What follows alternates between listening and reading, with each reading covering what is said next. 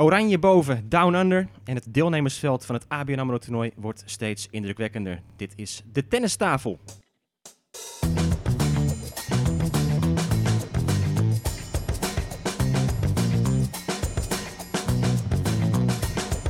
Please take your seats quickly, ladies and gentlemen. Thank you.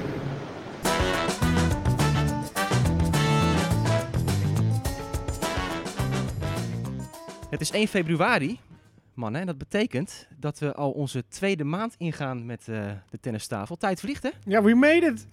ja, ja, ja. we hebben het overleefd. Ja, precies. We zijn eh, ook doorgegaan met ons rondje langs de tennisclubs. We hebben onze eigen clubs inmiddels gehad en zitten nu weer eh, in de buurt van mijn ja, thuis in, in Leiden. We zijn in Oegstgeest en we zitten bij OLTC, Stefan. En ja, grote club, hè? Ja, absoluut. We hebben een mooie rondleiding uh, gekregen van uh, Pachter Maarten. En uh, er liggen nu 13 gravelbanen. In een ja, prachtig complex wel, moet ik zeggen. Oud, maar wel, wel gaaf. Ik zie een mooi McDonald's bord op baan 1. Ja, dat valt jou weer op. Ja, dat is mijn favoriete restaurant. Jongen, jongen, jongen. Ja, het is, nee, het is, het is een gigantische club. En nou ja, we hebben inderdaad even een rondje gemaakt. alles wordt verbouwd ook. De gravelbanen worden weer klaargemaakt voor het voorjaar. En Overal ligt gravel prestige. Dat is eigenlijk een beetje een soort uh, ja, verbetering qua afvoer. Hè? Dat, uh, dat de banen sneller droog worden. En dat er dus langer kan worden doorgetennist. We hoorden ook dat ze tot 4 eh, januari hier nog gewoon open zijn geweest met, met de gravelbanen. Dus pas net is alles... ja, ja, klopt. ik hoorde dat het seizoen loopt hier van maart tot december, normaal gesproken. Ja.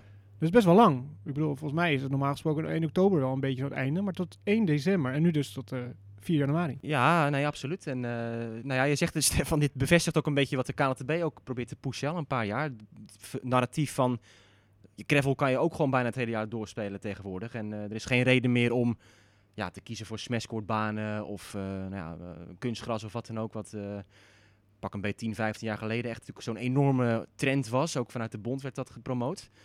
En daar willen ze ook een beetje vanaf, geloof ik. Hè? Weer uh, terug naar, uh, naar de basis, naar uh, de gravel, voor het opleiden ook. Nee, ja, klopt. Ja, natuurlijk. de beste opleiding krijg je op de gravelbanen. Hè. Kijk naar de Spanjaarden bijvoorbeeld. die worden opgegroeid op gravel en leren daarna ook op hardcore tennissen. Maar draai het om, die Amerikanen die op hardcore worden opgevoed. En dan op gravel gaan tennissen, natuurlijk even, even andere koek. Dus inderdaad, ik vind het alleen maar goed. hoe meer gravel, hoe beter. Uiteraard uh, hebben we ook wat uh, bijzondere clubfeiten nog hier. Een enthousiaste voorzitter heeft mij uh, wat gemaild, meneer Hans Bouwman. Die is heel trots op het feit dat we hier nu zitten bij de op twee na oudste tennisclub van Nederland. En de andere twee die nog net iets ouder zijn, dat zijn de Haarlemse LTC en Victoria in Rotterdam. Maar ja, LTC is ouder dan de KNTB zelfs. ik heb even niet paraat wanneer de KNTB is opgericht, maar later dan in, in 1886 in elk geval. Dus uh, ja, 135 jaar oud nu. Ze spelen hier op dit tennispark sinds 1937. Ja, dan heb je wat te maken met een bijzondere club natuurlijk. Ook een van de tien grootste verenigingen van Nederland qua ledenaantal. 1500 leden. En qua jeugd uh, hebben ze ook uh, de zaken goed op orde, hè, Stefan, uh, kregen we te horen. Ja, wat ik ook begreep inderdaad. Want ze hebben 13 banen en dan 1500 leden. Zou je zeggen, past het allemaal wel. Maar een groot gedeelte is jeugd. Dus dan kan je iets meer kwijt op de banen. Die trouwens ingeklemd worden door de, door de hockeyclub. Ja. En uh, die hebben ook 2300 leden. Dus het is wel een uh, sportminded uh, gemeentetje hier. Echt een sporthub hier in, in Oostgeest. ja, de grootste club ook qua leden, qua jeugd schijnt het. 395 leden onder de 18 jaar. Niet verkeerd. Maar um, dat is een probleemgroep, hè? Die wat oudere tieners, dat schijnt volgens mij die, die groep te zijn die, uh, ja, zijn die stopt met tennissen. Dat zijn de afhakers, die gaan wat anders doen. Begin tieners en die komen dan later als ze gaan studeren misschien wel terug. Maar inderdaad, die 14-jarige tot 16-jarige te behouden voor tennis is, is lastig. Maar dat is overal lastig natuurlijk. Ja. Nee, het, het knappe is ook dat ze hier gewoon uh, ja, de afgelopen jaren geen terugval hebben gehad. Gewoon wachtlijsten echt voor leden die zich willen aanmelden. Uh, zelfs ook in in een ja, regio waar bijvoorbeeld nou ja, Unicum waar we zijn geweest, uh, mijn club uh, een aantal jaren terug, echt een duidelijke terugloop was qua leden. Hier hebben ze het allemaal op peil gehouden. Dus echt met die 1500 leden gewoon uh, ja, stand gehouden. Dus dat, ja, mooie tijden voor Oegstgeest hier. Ja, ja en ze zijn eigenaar van, van, van de grond en van het hele park zelf. Dat hebben ze onlangs aangeschaft. Het is geen gemeentepark. Het is zo groot als het is. Ja, wel knap om, om zelf je, je broekriem aan te houden, moet je zeggen. Je broek op te houden. Ja, ja. Dus, ik, ik vind wel leuk, want ik ken ik ken het wel Oegstgeest, want ik moet altijd een beetje om lachen. Mijn, mijn vrouw is uh, buitenland. Ja. Die is al 23 jaar in Nederland en die speelt hier nog wel eens competitie tegen. En zeggen, waar moet je heen? En dan ja, uitspreken van oeh, geest ja, voor is een een mooie, buitenlander. een mooie test altijd. is al een struikelblokje.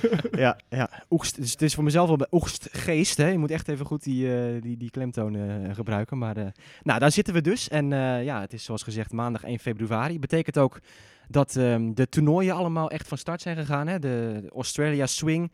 De quarantaineperiode is achter de rug. En wat mij het meest is opgevallen daaruit, David, is dat we ja, niet echt meer een uitbraak hebben gehad hè, van, van het virus bij spelers die in die harde quarantaine hebben gezeten. Nee, helemaal niet. Er zijn nog wel een aantal mensen die uh, te maken hebben met uh, de tenniswereld. Die nog uh, ja, binnen worden gehouden, om het zo maar te zeggen. Maar over het algemeen is het vrij goed allemaal. heeft het gewerkt, dat hele systeem. Die, die harde quarantaine en die wat mildere quarantaine. En ja, zoals je zegt, we zijn echt begonnen. Hè? Normaal gesproken de Australian Summer. Nou, dat is dit jaar uh, de Melbourne Summer. Want ja. ja er wordt alleen maar uh, in die stad gespeeld. En uh, ja, kan jij het allemaal een beetje bijhouden? Want het is een gigantische overdosis aan, aan tennis. Ja, het is echt ja, ongelooflijk. Want er worden deze week drie WTA-toernooien en drie ATP-toernooien gespeeld. Allemaal op Melbourne Park. Dat betekent dat er nou ja, vandaag 58 wedstrijden zijn gespeeld daar. En het gaat zelfs oplopen tot 98 wedstrijden op één dag. Ja, woensdag. Ja, 16 banen worden er dan gebruikt. Ja, dat zijn cijfers die je zelf niet bij een Grand Slam meemaakt. 98 wedstrijden op één dag. Dus dat, uh, ja, als je daar in de organisatie zit, dan word je ook helemaal gek, denk ik. Ja, die kan je wel kamperen op het terrein, hè, met zoveel Jongen, jongen, ja. ja. De glamping, die, uh, die komt ineens weer aan, aan bod hier.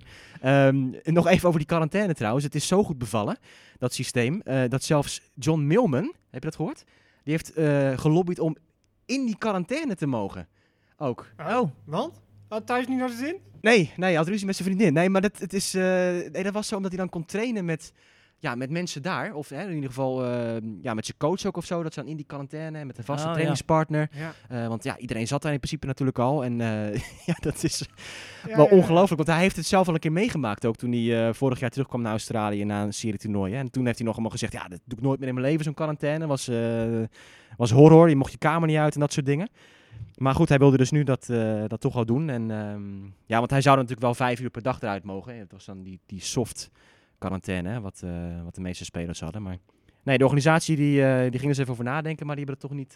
Ja, maar het is wel even belangrijk misschien om te zeggen waarom ja. Milman er niet aanvankelijk al in die quarantaine zat. Want al die Australiërs, die hoefden dat niet. Nee, precies. Nee, natuurlijk niet. Ja. Nee, die, die, die zitten al in Australië en nou ja, het, feit is gewoon dat uh, het virus is daar nog steeds goed onder controle. Het laatste nieuws is wel dat er in Perth nu één geval was. Eentje, ja. Een bewaker of zo, uh, of een beveiliger bij een hotel, geloof ik. Ja. En moeten volgens mij iedereen meteen weer vijf dagen binnen blijven. De hele stad in ja, quarantaine. Vijf ja. dagen binnen.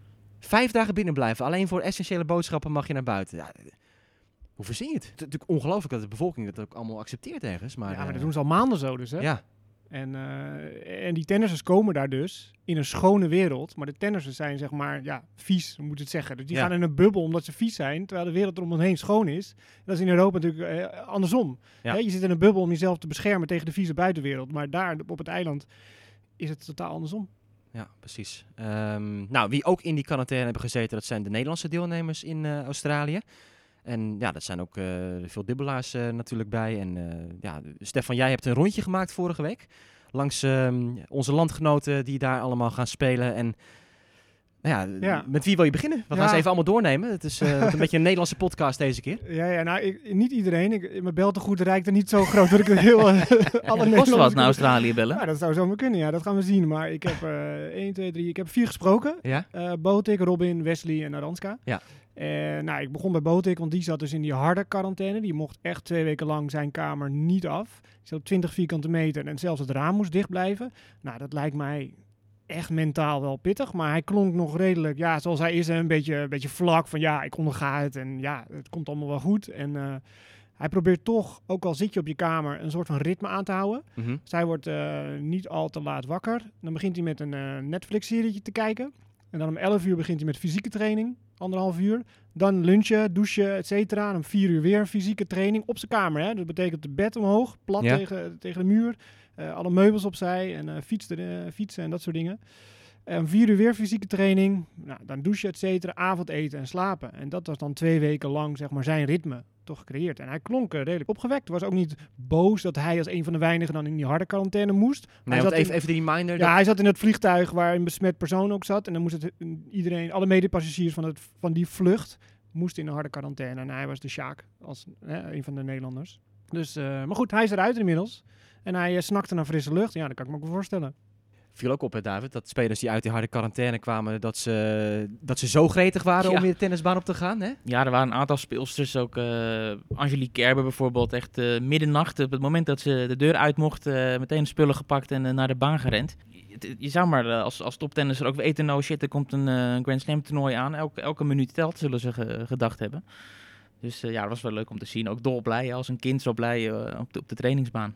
Nou ja, dat vroeg ik al de Nederlandse spelers ook van. eh, ga je dan opeens de wereld anders zien of eh, waarderen en zo? Van, ja, dat was ook wel niet het geval, want ze, staan toch wel realistisch hè, in de wereld. Maar ze zien wel dat ze een heel mooi beroep hebben. Eh, en ja, de simpele dingen van naar een restaurant gaan en eh, frisse lucht en, dat soort dingen. Gaan en staan waar je wil, dat hebben ze wel gemist. Maar Robin klonk ook wel heel realistisch, eigenlijk nog wel een beetje opgewekt.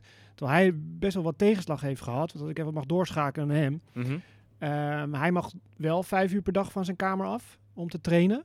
Hij zegt, nou, uiteindelijk maakte ik er maar drie uur gebruik van. Drieënhalf uur, omdat ja, het eten was niet zo goed. Dat deed ik gewoon mijn kamer. Maar hij mocht dus twee uur tennissen en daarna nog anderhalf uur fysiek doen. Alleen hij eh, mocht alleen maar trainen met zijn dubbelpartner. En zijn dubbelpartner is Oliver Madag. Maar de Oostenrijker raakte na een aantal dagen, in het begin, geblesseerd. Dus die kon niet meer tennissen. Dus Robin had geen trainingspartner meer. Want je mag niet switchen. Je moet met je dubbelpartner. Dus we zagen op social media misschien eh, voorbij komen dat hij Ja. een rally met zichzelf speelde. Ja, maar zo was het uiteindelijk wel. Want ook Raymond Knaap, zijn coach, is niet mee. Eh, besloten was omdat hij verloor in de kwalificatie van... Nou, Raymond gaat niet mee naar Australië. Het wordt allemaal een beetje duur. Had hij hoofdtoernooi single gestaan, had hij zijn coach wel meegenomen. Dus hij was er letterlijk in zijn eentje. Dus hij mocht echt, hij mocht dagenlang mocht hij niet Nee, tennissen. hij heeft nauwelijks getraind. ja. Maar hij vond het niet zo erg. Ja dat, ja, dat is niet anders. Dus hij zat er ook wel realistisch in.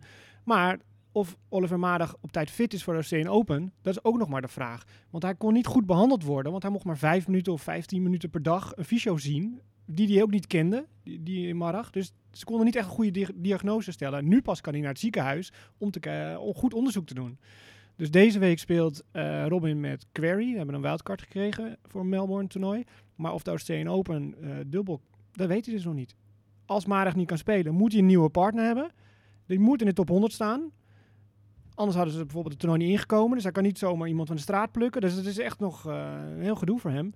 En in het enkelspel is hij ook nog niet zeker. Hij staat laatste eh, uit. Zeg maar, de eerste lucky loser. Hij hoopt dat die wildcard van Andy Murray ja, zeg maar in de pot gegooid wordt. En dat hij dan die mag Ja, eh, Murray die is, is thuis Murray heeft Ja. thuis. Ja. Dus, ja. Dus onzekere tijden voor, eh, voor Robin. Maar, eh, maar goed, Robin is heel nuchter. eh, is natuurlijk ook ervaren. Hè. Laat zich niet gek maken. En ja, ik zie wel hoe, hoe het op me Ja, afkomt. dit is natuurlijk eh, deze hele situatie een- schoolvoorbeeld van je niet druk maken om dingen die je niet in eigen hand hebt. Nee, hij zei wel van, oké, dit is één keer goed te doen voor zo'n Grand Slam. Moeten we dit twee, drie keer per jaar doen voor een toernooi? Nou, dan haken heel veel spelers af. Over een schoolvoorbeeld gesproken, dan kan ik toch nog even terugkoppelen naar, eh naar Botik van de Zandschulp. Want die eh, gaat ook het ATP-toernooi daar nog eh, spelen in Melbourne natuurlijk. Wat vrij bijzonder sowieso al voor hem is dat hij een ATP-toernooi inkomt. Ja. En we weten nog niet wat hij heeft gedaan in zijn eerste ronde, maar hij, eh, ja, vrij onbekende tegenstander, maar jij kent hem, eh, Stefan? Ja, een Australiër, Tristan heet hij. Ja. En de achternaam? Schoolgate? Kate. Kate? Schoolkate. Schoolkaarten. Schoolkaarten. Dat er gewoon van maken? Ja, Ja. ja. ik geen Ja, idee. In ja, ieder geval dat wildcard. Ja. Nou ja, goed, het is een eh, mooi begin natuurlijk. Hè. Maar ja, goed, eh Boot ik twee weken niet getennist. Kan nu twee, drie dagen trainen. Ja, hopelijk is dat genoeg om, eh, om een rondje te winnen. Ja, ja, wij lachen erom, maar in het buitenland, van de zandschulp en eh, schoolkaarten, dat, eh, ja, dat is niet Eerste zo ronde eens ATP, ja. Dat, Blij dat ze niet in Oegstgeest spelen. ja, heerlijk. maar om, om een rondje af te maken. Nou, even, even wachten, want ik wil even inhaken. Want Ja. eh, je hebt het over, over dubbelaars die eh, ineens geen partner meer hebben en zo. Met, met Robin dan. Het brengt mij dan op het verhaal van, van Rosalie van der Hoek die daar ook zit. Echt puur voor het dubbelspel. En eh, die, is, die is vorig jaar een beetje doorgegroeid richting, eh, richting WTA-niveau in het dubbelspel. En ehm, zij zou gaan dubbelen met Kveta Peske. Nou, tennis insiders weten, oh, dat is echt een, een grote naam. eh speelster inmiddels halverwege de 40. Oud, ja. Ja, maar volgens mij echt nummer 1 geweest zelfs in het dubbel, dacht ik. Of in ieder geval echt, echt de top, top gehaald. En eh, ja, dus, dus eh, Van de Hoek was helemaal blij. Oh ja, ik ga met Peske dubbelen, kan ik veel van leren, noem maar op. Nou, zit daar in Australië en Peske komt van de trainingsbaan af en zegt, eh, ja, sorry, ik ben geblesseerd geraakt. En ja, ik ga het niet halen. Uh, Australian Open. Dus dan zit je daar in die quarantaine als, als Van de Hoek zijn. En, en ja, ineens van, oké. En nu ja, afwachten en op zoek naar een nieuwe partner. Want ze mogen dan nu, hè, wat, wat ook zegt, ze mogen nu wel iemand anders vinden. En nou, het is dus echt die groep die daar is. daar kan nog wat worden gerouleerd of iemand het enkelspel erbij getrokken om te dubbelen ook. En ze heeft dan nu um, Bernarda Pera uh, gestrikt als, als partner. Dan is het even afwachten of ze echt nog in het toernooi komen. Stel een Serena zegt, nou, ik ben wel lekker bezig, ik wil met Venus dubbelen. Ja, dan, dan gaan dat soort koppelstuk voor. Ja, één ding wat ik wel heb gemerkt, want ja, er zijn wat onduidelijkheden natuurlijk. Wat is wel mogelijk, wat is niet mogelijk. Maar volgens mij zijn de regels deze maand wat, wat soepeler dan gebruikelijk. Want we zien ook in die vele toernooien die nu tegelijkertijd gaande zijn, dat bepaalde spelers singelen in het ene toernooi en dubbelen in het andere toernooi. Ja.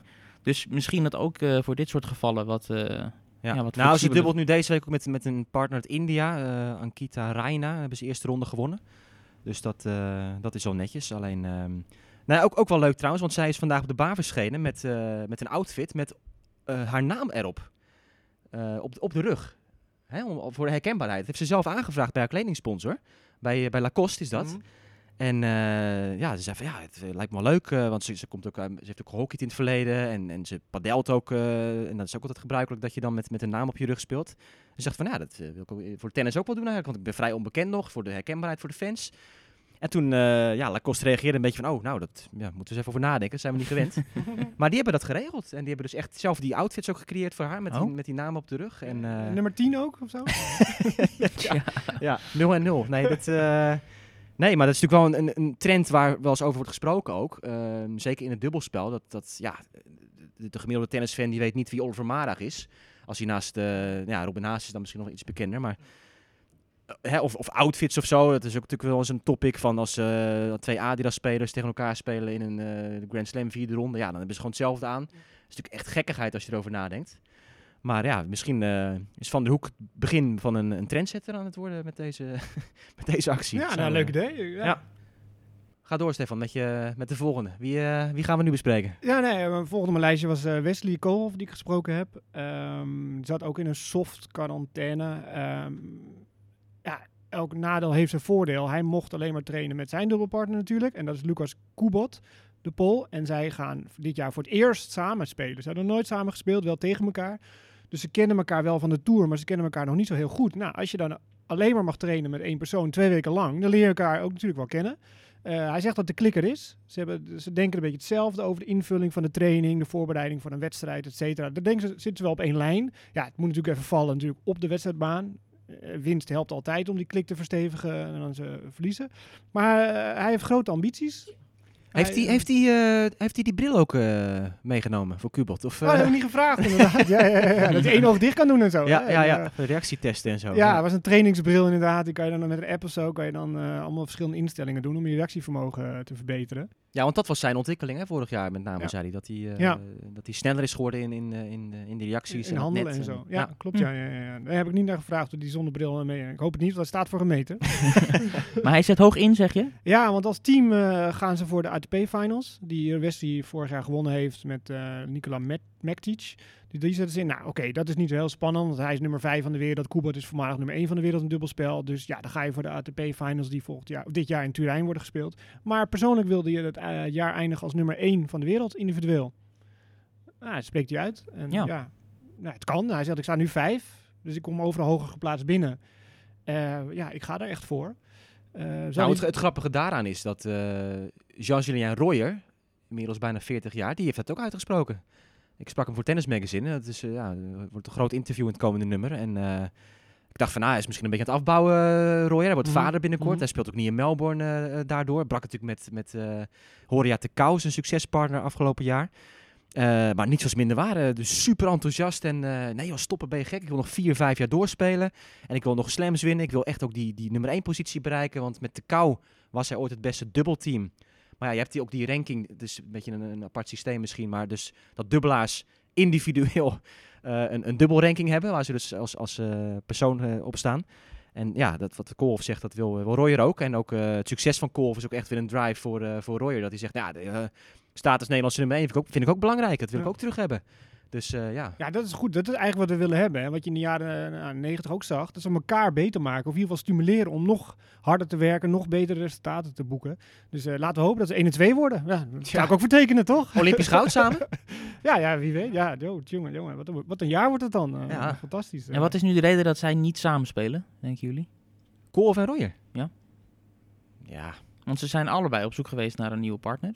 Ja, maar vaak zoeken ze toch, zeg maar, eh zo'n yin-yang, weet je. Dat ze dat Ja. iemand tegenovergesteld van wat jij bent. Iemand met, gewoon met lengte, veel power en eh, de ander veel handjes bijvoorbeeld. En Koolhof is natuurlijk ehm, verrast, hè? Eind vorig jaar. Die, die wilde helemaal niet stoppen met Nektic. eh, Ja. Is ook zo. En toen zaten Royer en Melo waren toen ook al duidelijk dat die samen gingen spelen. Ja, nee, eh, vlak voor die ITP-finals, in de aanloop daarna, daarvoor in Londen hebben- is het allemaal al beklonken. Hè? Hij werd Ja. gedumpt en een paar dagen later zat hij al met Koebot eh, aan tafel om Ja, een deal te maken voor dit jaar. Ja. Ehm, nou ja, dus dat vond ik wel opvallend, dat hij dat gewoon uitspreekt. Ik wil nummer 1 van de wereld worden. Ja. Nou ja, van harte. Ja, Eh, laten hopen. Ja, en als laatste sprak ik nog even met Aranska Rus. En eh, ja, dat, dat vond ik eigenlijk wel mooi. Die zei van over de quarantaine. Die zit ook in een soft quarantaine. Dus vijf uur per dag mag ze eruit. Maar wel 19 uur op je hotelkamer zitten. En dat kan lang zijn, hè. Want soms trainen ze om 7 uur 's ochtends. En maar de volgende dag om 5 uur 's middags. Dus dan zit je dus bijna 28 Hebben ze daar 30 invloed op? Nee, elke avond eh, krijgen ze door de trainingsschema tijden voor de dag eh, daarna. Ja. En aan de hand daarvan maken ze dan een schema voor de dag. Wanneer ga ik eten? Wanneer ga ik rusten? Wanneer mag ik naar buiten? Wanneer word ik opgehaald met het busje? Et cetera. Nou goed, het is nu allemaal afgerond Ja, natuurlijk. dat is nu, maar dat was vorig jaar, eh, vorige week. Vorige week, ja. En ze zegt, ja, heel gek genoeg, je went er ook wel weer aan. Ja. Nou, dat vond ik eigenlijk wel een heel mooie, realistische, nuchtere uitspraak. Eh, typisch Nederlands. Wie was haar trainingspartner? Eh, dat was haar dubbelpartner, Tamara Zidansik. Oh ja. En, eh, ze, ja, en, en daarna mochten ze dan eten met z'n vieren. Allebei de coaches erbij. Dat vond ze wel weer een gezellig momentje. En, eh, en nog veel fitness natuurlijk erbij. Maar haar toernooi eh, begon eigenlijk een dag nadat ze was vrijgelaten. En eh, moest meteen aan de bak. Vrijgelaten. Alsof ze opgesloten Ja, want eh Venus Williams wachtte al. Dus eh, dat was wel was pittig voor haar natuurlijk. Ze heeft ze laatst verloren.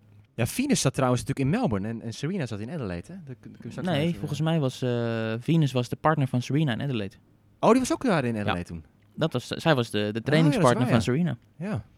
Dus die heeft ook mee kunnen genieten. En zij zat ook op dat balkon en zo natuurlijk de hele tijd. Wat op die video's ehm, naar buiten kwam. Ja, nou ja, klopt ja. Ja, ja ze verloor van Venus Williams. Ehm, ik heb niet de hele wedstrijd gezien, maar wat ik zag, dat, eh, wat ik was echt verbaasd door, eh, door Venus. Hè? Ja, ja, die stond uit te halen en goed te bewegen. Ze had één tape op de knie.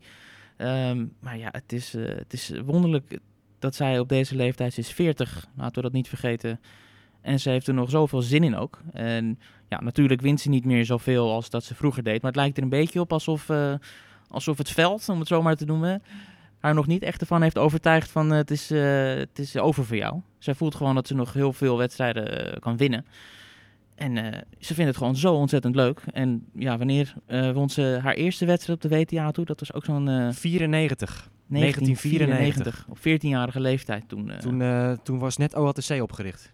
ja, ja, toen speelde ze al en toen won ze al op de WTA-tour in 2021. En ja, ze staat er nog steeds. Nou, ik heb ook dat interview gezien op de baan. Dat vond ik wel even interessant om te zien hoe, eh, hoe ze daarop reageerden. En ja, de, de, de gretigheid. Ze zegt ook van ja, ik, ik, ben- ik ben nog steeds gewoon ja, goed in het spelletje. Dus ik, ik, ik blijf ervan genieten op deze manier. En zolang ik win is het leuk.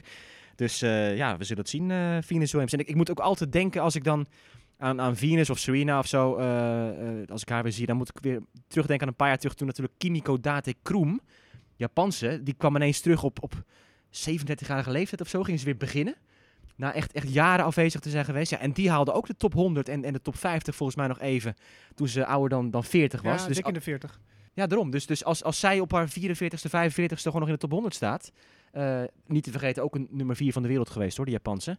Maar ja, waarom zou dan een Serena en Venus dat, eh, dat niet kunnen als ze dat willen? Nou ja, maar eh, kijk, eh Venus gaat nu aan haar 28ste jaar dat ze Ja. een wedstrijd wint ja, op de Tour. Nee, dat is anders. Ja, Achtereen, achtereen gesloten, hè? klopt. Het is niet uit geweest, een kind gemaakt en et Nee. cetera. Ik kom Nee. terug. Ze heeft wel, ze heeft wel pauzes ingelast vaak. Ja, oké. Ze doen ook heel veel naast het tennis. Ja. Hè, binnenhuisarchitect, geloof ik, dat ze doet. En allemaal business en zo. Dus ze hebben wel ja, goede combinatie misschien tussen, tussen eh, andere afleidingen. Maar 28 seizoenen op een rij. Ja, het is... En ze had een heerlijke quote, hè? Venus. Ja. Stay positive, test negative. ja, ja, ja. dat is het motto van iedereen, eh, van Ja. iedereen dit jaar, denk ik inderdaad. Ja. Ja, dus dat was jammer dat Aranska dus eh, ja, zo'n zo'n Venus Williams tegenkwam. Ehm, ja, de toernooien zijn nu officieel begonnen deze week. Vorige week vrijdag was er dan dat demonstratietoernooi in Adelaide. Eh, daar waren de spelers ehm, sowieso al wat, wat, eh, wat vrijer natuurlijk, hè, met, met een balkonnetje en wat, wat luxere faciliteiten. Eh, en ja, de, de, de dag begon met eh Serena Williams tegen Naomi Osaka en Nadal tegen Team. Dus dat was meteen, meteen raak. Djokovic was, eh, was een probleemgevalletje hè, in het begin van die... ja, blaren had ja, hij. grote blaren op zijn rechterhand. Dus zou eigenlijk niet spelen, maar heeft er toch nog een set gespeeld. ehm, tegen wie was het ook alweer? Dat is kwijt. Ehm, Hij verving uh, Kra- Krajinovic. Nee, nee, Krajinovic die verving Djokovic even. En Oh, zo was het, eh, 6-3, 6-3. En, eh god, wie was het nou joh? Eh, Sinner volgens mij. Oh ja, Sinner ja. Ja, Ja, ja, ja. Sinner. Ja. Sinner, ja. Ja. Die was trainingspartner van Maar hij kwam zomaar de baan oplopen, hè? twee rekjes in zijn hand en eh, Ja. ik speel even een setje. Ja. Zonder warm-up. Ja, straalt wel deze klasse. Ja, ja, het was heel eh laid back hè, daar in, in Adelaide ook. En, eh, en, en dat, dat was... Adelaide back, sorry. ja, Ja, maar wel een vol stadion, hè? ja, Nou, dat, dat was het gekke. Hallo. ja. Dat was het gekke. Ook voor de We hadden het live op Eurosport. En, en, en ja, je, je komt ineens live, hup, je, je krijgt dat shot in beeld. En dan, zie- je zo'n vol stadion. En denk je wacht even, is dit nou... Is het oude beelden of zo? Ja, weet is je? Live, eh, ja. ja. mensen allemaal tegen elkaar aan en lekker flesjes wijn. En echt die, die, die typische Australische tenniszomerbeelden.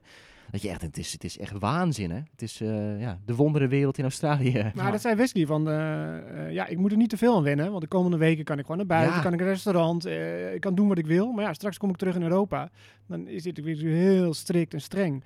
En dat is, dat is eigenlijk, ja, eh, het frappante vind ik eraan. Die spelers zijn naar Australië gegaan en Wesley zei ook, ja, ik voelde, en ik, ik lees natuurlijk ook het nieuws, we worden hier niet met open armen ontvangen. Want die Australiërs kunnen uit de hele wereld niet eens zelf naar huis. En nu komen er een paar duizend eh, tennissers, worden zomaar ingevlogen en alles wordt voor ze geregeld. Dus dat contrast is natuurlijk heel erg groot. Dus hij voelde zich ook wel niet echt schuldig, maar wel een beetje van, ja, awkward, dan moet je het zeggen van, ik kom hier nu wel in jullie land waar het schoon is en wij komen uit de besmette wereld. Dus dat begreep je heel erg goed. Dus hij zat in een vieze bubbel om de mensen in Australië te beschermen. Terwijl hier in Nederland of in Europa heel andersom is. Je zit in een bubbel om jezelf te beschermen tegen de vieze buitenwereld. Dus dat, eh, hij zegt, ja, dat is een hele ja, surrealistische wereld. En ik moet er straks niet te veel aan wennen als ik weer naar Europa kom. Topsporters, eh, wereldsterren in, in quarantaine. eh, ja, dan denk je ook misschien dat ze bepaalde privileges willen, bepaalde verzoekjes. We weten dat ze fitness, fitnessapparatuur hebben gekregen of ja, dat ze in ieder geval bezig konden blijven in hotelkamers. En ik las een interview met de toernooidirecteur Craig Tiley van de Australian Open en die ging daar wat verder op in. En die kreeg de vraag van, ja, wat is, nou het, wat is nou het gekste verzoek dan dat je hebt gehad? Zijn er gekke verzoeken binnengekomen? Net als eh, bands die, eh, die, die op on the road gaan en natuurlijk allerlei eisen stellen voor, de, voor, eh, voor backstage of wat dan ook. Ehm, en hij zei, nou, ehm, ja, er zijn meerdere spelers geweest die wilden graag een, een, eh, een kitten op de kamer. Een klein katje. Kitten? Ja, een klein katje. Om die muizen te vangen. Nee, om, om gewoon eh, gezelligheid en Ja. een beetje spelen met zo'n klein poesje en, eh, en dat soort dingen. ja. Ja, meerdere verzoeken zijn daarvoor geweest. En, eh, en, en ho- honden zijn ook blijkbaar eh, aangevraagd. Alleen, jongen, jongen, ja. Ja, dan mag je naar buiten om de hond uit te laten. Ja, maar er kwam dus een serieus antwoord. En eh, hij zei van ja, dat- ze hebben moeten uitleggen van nou, kijk, dat is een beetje problematisch. Want eh, katten zijn ook gevaarlijk voor de, voor de overdracht van het coronavirus. dus dat, Ja. Dat was allemaal niet mogelijk. Maar dat moet je toch voorstellen dat, eh, Ik denk een blauwe M&M's of zo, weet je. ja, Eh, dat je zo'n belletje krijgt. rode dat je denkt van, eh word ik nou in de maling genomen of zo? Eh, Nou ja, goed, het is zo, zullen ongetwijfeld allerlei onderzoeken zijn hè, die aantonen dat, eh, dat het goed is voor de mentale gezondheid. Dus, het is wel een goed researchproject om uit te vinden wie dat nou hebben, aangevraagd. eh.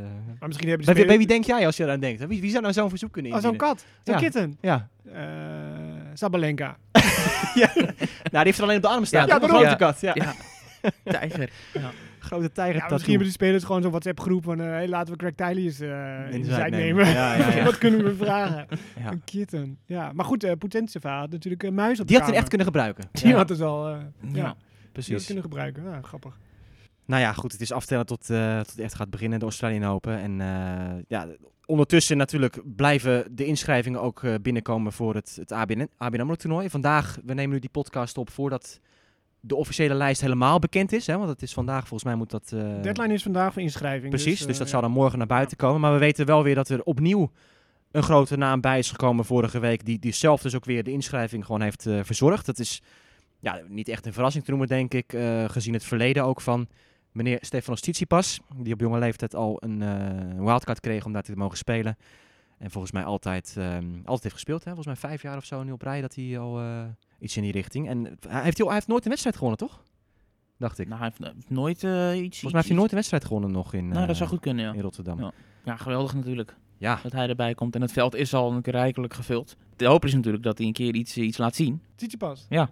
Ja, hij houdt van Nederland, volgens mij. Hij vindt Nederland leuk. Maar als je in Rosmalen is hij natuurlijk ook geweest. En eh, ja, Scheveningen, weet je? Ja, ja, ja. Hij heeft eh Eh, ja, eh, Challenger toernooi daar, dat toen nog bestond, heeft Maar hij gewonnen. Nou, hij verloor van Timo de Bakker toen. zo. 2017 moet dat geweest zijn. 17? Ja, toen verloor hij, of 2018, een van die twee jaren, verloor hij van Timo de Bakker op de match. Nee. 2018? Drie jaar geleden nog maar? Nou, eh, luisteraars googelen en als het niet klopt, eh, DM'en. Zo. 17 of 18, een van de twee. Oh, Ja. oké. Nou, interessant. Ja, en, en eh Tsitsipas die, die kwam nog voor in een ja, bekende internationale tennispodcast. Hè, No Challenges Remaining van eh, onder andere New York Times journalist Ben Rothenberg. David, die heb je ook geluisterd, die podcast. En dan, Ja. dan, dan hoor je toch alweer opvallende dingen hè, van, eh van Tsitsipas. Dan Ja. merk je ook wel dat hij echt... Ja, je zou zeggen, als je hem hoort, van, is dit nou een, een, een, een topsporter? Is dit een, eh, hè, een, een wereldster? Kijk, vooropgesteld, eh, Tsitsipas en, en Rothenberg, degene die hem interviewde, die, die zijn best wel close met elkaar. En, en hij was ook ontzettend op zijn gemak, Tsitsipas. Hij, hij gedroeg zich anders in dat gesprek dan dat bijvoorbeeld tijdens een persconferentie of zoiets. Hij is veel losser en, en, en het viel me ook op dat zijn Engels ontzettend vooruit is gegaan. Ehm, en ja, van alles eh, wat je maar kan bespreken komt eh, dan voorbij. Hè? Van zijn eh, filosofische, althans semi-filosofische gedachtes en, en zijn vele interesses buiten de baan. Al die, al die vlogs die hij maakt. Hij heeft muziek nu ook soort van gepubliceerd. Ja, en het, het reizen, dat dat voor hem Ja. eigenlijk de... ultieme prestatie is. Ja, Dat zei hij eigenlijk. Hè? Dat Hij wilde als kind wilde hij graag de wereld zien en wilde Ja. hij reizen. En nou, dat, dat hij een proftennisser werd, dat is eigenlijk een soort bijvangst. Ja, dat heeft hij dus nu al bereikt, eh, zegt hij in, in zijn carrière, een levensdoel. Ehm, ja, en hij kan natuurlijk ook niet wachten om dat weer eh, te doen. Hij, hij gaf ook aan dat hij gedurende de hele coronaperiode eh wel heeft gekeken en heeft geprobeerd naar, de, naar wat omwegen om alsnog misschien wat reisjes te kunnen maken. Maar dat, eh, ja, dat is niet gelukt uiteraard. En het, het leukste feitje wat ik hoorde was dat zijn, zijn moeder ehm, heeft in het verleden ook nog als eh tenniscommentator gewerkt Ja. zelfs. Eh, vanuit Moskou heeft ze ook eh, verslag gedaan van de Australian Open. Dus zij Ja. heeft ook meegemaakt hoe het is om midden in de nacht eh, op te moeten Ja, staan. ook, en, eh, en eh, ja, partij van ook een hele goede, goede tennisser geweest natuurlijk, die Ja. moeder. Ook nummer 1 bij de junioren geweest. Moeder en, en zoon. Ja. Hè, dat kwam ook nog naar voren in die podcast. Maar Tsitsipas die gaan we dus zien in, in Rotterdam. André, eh, oh, ja, Stefan? Nee, nee, ga verder. Ik wil ook nog niet zeggen over Rotterdam. Maar volgens Oh, Rotterdam. Ja, ik wil schakelen naar André Rublev, want eh, die heeft ook een, eh, ja, niet in een podcast, maar daar is een, een, een grote documentaire over gemaakt in Rusland. Echt de moeite waard om, om te bekijken. Staat op YouTube met Engelse ondertiteling daarbij. Wordt die, nou ja, een, een dag of een paar dagen gevolgd door een, een journaliste daar. En ehm, hebben jullie hem af, af, afgekeken Nee, allebei? Nog Of- niet helemaal. Ik Oh, niet helemaal af. ja. Maar dan, dan zie je ook echt een kant van hem dat hij ontzettend open is en kwetsbaar. En dat, beschrijft zich ook wel een beetje als een soort, eh, soort lonely wolf. En eh, ja, een beetje eenzaam soms zelfs eh, op de tour. En ehm, ja, we kennen, tenminste wij kennen hem ook vanwege zijn muziek, muzikale connectie, Ja, David. ja. Ja, hij zat in een coverband van One Direction, hè, geloof ik. Ja, ook Ehm, te zien. Dat is ook wel grappig. Ook te zien op YouTube zoeken, ja. allemaal, ja. André Ehm, Rublev die One Direction eh, zingt. Maar hij vertelt dan ook dat hij, dat hij ook iets meer daarin wil gaan doen in de muziekwereld. eh, ook, ook eigen muziek maken. En eh, nou, ook, ook zeker dus de moeite om dat eens eh, op te zoeken. Misschien dat... Hij tennist ook One Direction, hè? Ja, absoluut. Ja. ja, ja, Gewoon vol ja. gas vooruit. Ja, ja. Ja. En het gaat heel open over financiële zaken, viel me op. Dat is misschien iets, iets Russisch of zo, maar er, er- heel veel vragen over geld en, en eh, ja, hoe heb je dan verdiend en wat betaal je coach. En, en eh, nou, dat- dan zie je dat het in het begin een beetje ongemakkelijk is, maar het wordt ook echt allemaal openlijk gewoon besproken. En eh, een deal die, hij- die hij heeft met, eh, met een soort, soort ja, Russische investeerder, eh, dat hij dan altijd in een bepaald toernooi moet komen spelen, waar hij dan geen startgeld krijgt. En allemaal van dat soort details denk ik van oké, bijzonder om dat allemaal, eh, allemaal Ja. zo eh, open en bloot te bespreken. Maar dat, eh, ja, was leuk. Hij komt natuurlijk ook naar ABN. Ja, Vandaar dat haakje. Ja. Eh, maar ABN heeft dus echt misschien wel een van het sterkste deelnemersveld ever. Het is een beetje wrang dat er geen publiek bij mag, mag, mag zijn. Ehm, ik geloof 42 is de cut-off ooit geweest. En nu ligt hij misschien al op 41. Ja, we gaan het later vandaag kunnen we het allemaal online bekijken. Maar Ja. Nishikori, die meldde zich, want ik wil spelen. Dus Richard zei, ja, tuurlijk komt erbij, eh, heel graag. Alleen, die kreeg, Richard kreeg nu een mailtje van het management. Ja, maar als Ri- Nishikori er nou niet in komt, mag je dan een wildcard krijgen. Jeetje. Want die is afgezakt naar plek rond 41 geloof is lang ik. Van, eh, ja, eh, voormalig top 10 natuurlijk. Maar die zit, hè? Dus die ging even Ja. nakijken van, ja, daar zou ik wel eens mijn wildcard aan, eh, aan moeten Zo. geven. Anders komt hij er niet in. Het zou helemaal bizar zijn als hij dan gewoon zegt nee. ja, aangekondigd en... eh, ja. nee, sorry, Ja. wildcards zijn op. Maar eh, ja, drie wildcards Ja, heeft drie hij, denk ik, wildcards. En eh, nou, twee gaan naar Nederlanders. Eh, misschien alle drie wel. Dat was misschien wel de wens. Maar ja, als je Kai eh, nodig heeft, dan... eh, Ja, goed, hij is al gepresenteerd. Ik kan moeilijk zeggen. Nee, ja, daarom. Ja. Ja. Nou, En eh, dan? bijzonder. Weten we daar al wat meer over? Eh, Nee. Nee, ja, ik had gebeld, maar nog niet op. jongen, jongen. Het is ook een raar op zich, toch? Dat hij dat nog helemaal niet, eh, nog niet duidelijk is, wat, wat hij nou gaat doen. Want het wordt allemaal gesproken over Doha. Ja, daar is ook nog geen nieuws over. Misschien, Nee, ja. ja, mis- misschien gaat het, eh, de revalidatie helemaal niet zo goed als, eh, als wij denken. Zou ook nog Of, kunnen. of zouden er toch eh, stiekem onderhandelingen worden gevoerd achter de schermen? Dat, eh, Ja. ja, goed, in Qatar hebben ze toch wel wat liggen. Hey, ik hoopte eigenlijk eh, af te kunnen sluiten met een goed wijntje vandaag. nou, twee, twee van de drie flessen staan op. Twee van de drie flessen zijn op. Ja, jij hebt contact gehad hè, met, Ja, ja, ja, ja. met, met de man die ooit van Roger Federer won op Wimbledon onder andere. Sergej Stakowski, die heeft, eh Oekraïner, die heeft een eh, wijnplantage in, in zijn land. En ja, die sinds dit jaar, of sinds na een paar maanden, verkoopt hij die flessen. En ik had er een aantal besteld.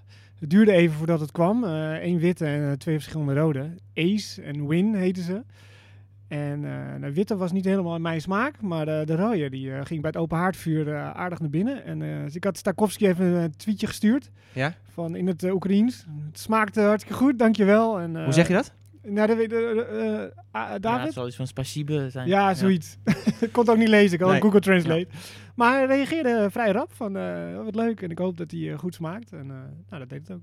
Drie flessen, zei je. Ja, Ace, Win en twee ja van twee, dezelfde. twee ace. Twee ace volgens mij. Rode heten volgens mij allebei ace en die witte heet win. Oh, je hebt twee aces. Maar die, die twee aces vond je niet zo lekker. dus dat was eigenlijk een dubbele fout. ja, precies, ja. De volgende ochtend. Ja, precies. Goed, nou, eh, ik denk dat dat een mooie afsluiting is eh, voor vandaag. Ehm, het was eh, leuk, gezellig hier bij LTC. De verwarming deed het goed, dat is ook wel prettig. Ja, voor het eerst. Kom even niet onderkoeld thuis straks, dat is ook wel een keer fijn. En we gaan ook aftellen richting het voorjaar, dat we straks wat eh, minder warm aangekleed hoeven te zijn. Bedankt weer voor het luisteren. Volgende week begint de Australian Open en dan kunnen we de spe- speelschema's gaan bespreken. Dus graag tot dan. hey, en maar niet vergeten, onze socials. Oh ja, David? Ja, at de tennistafel. Instagram en Twitter. Zeker volgen. Ja, en eh, stuur ons leuke berichtjes eh, wat je ervan vindt. Of eh, nodig ons uit bij een vereniging. Zeker. Tennistafel komt naar je toe deze zomer. Zo is het. Goed, dat, eh, daar gaan we voor. Nou, nu echt dan tot volgende week.